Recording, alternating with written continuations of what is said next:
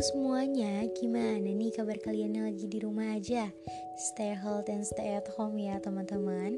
Selama pandemi ini, jangan keluar rumah jika tidak penting.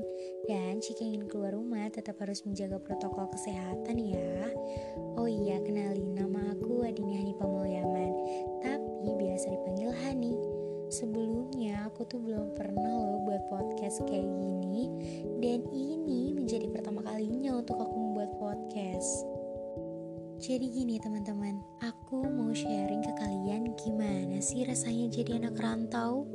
Pasti di antara kalian juga banyak yang jadi anak rantau, tapi untuk aku pribadi, menjadi anak rantau itu tidak semudah yang dibayangkan loh teman-teman. Aku dari kecil nggak bisa yang namanya jauh dari keluarga. Kalau kalian, gitu nggak sih? Itu seorang anak bungsu yang setiap harinya selalu dimanja. Maka dari itu, aku tidak bisa meninggalkan ibu aku dan jauh dari keluarga.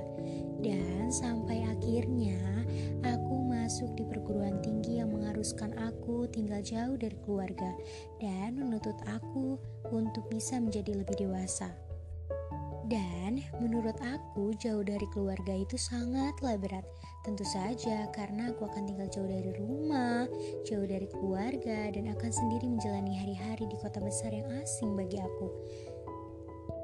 Ada banyak sekali persiapan yang harus mulai aku pikirkan setelah menerima pernyataan bahwa aku diterima di Universitas UIN Sunan Gunung Jati Bandung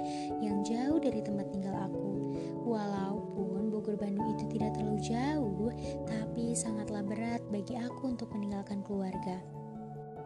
Hal utama yang dipikirkan aku adalah apakah aku akan mendapatkan teman-teman baik? Terus di mana aku akan tinggal nanti? Di tempat seperti apa aku akan tidur? Aku mencari makan bagaimana ya? Dan fasilitas apa saja yang akan aku butuhkan untuk menjalani hari-hariku dengan nyaman? Awalnya aku tuh ngerasa sendiri banget dan merasa aku homesick. Oh iya, kalian tahu homesick kan? Jadi homesick itu rindu atau sedih ingin pulang. Nah, aku tuh ngerasain banget yang namanya homesick, teman-teman. Dan aku pikir aku ingin pindah kuliah saja karena aku gak sanggup jauh dari keluarga. Tapi keluargaku selalu menguatkan aku untuk bisa menjalani hari-hariku. Dan percayalah, tidak ada keluarga yang mau jauh dari anaknya.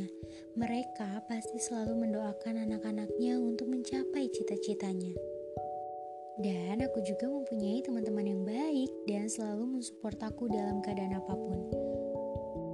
Oh iya, jadi anak rantau itu harus mencari makan sendiri, menyuci baju sendiri, dan mengerjakan apa pun sendiri.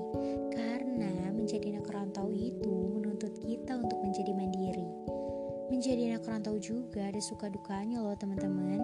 Di kala sakit inginnya dimanja oleh keluarga, tapi di sana kita hanya bisa berdiam, merenung, dan rasanya ingin pulang saja ke rumah. Oh iya, dan pasti nih setiap anak rantau merasakan akhir bulan yang harus mengirit agar bisa bertahan hidup di sana. Dan pelajaran yang dapat diambil dari pengalaman menjadikan aku lebih dewasa dan aku sekarang udah mulai bisa mengerjakan segala sesuatunya sendiri. Sekian untuk podcast aku kali ini. Ketemu di podcast selanjutnya ya, teman-teman.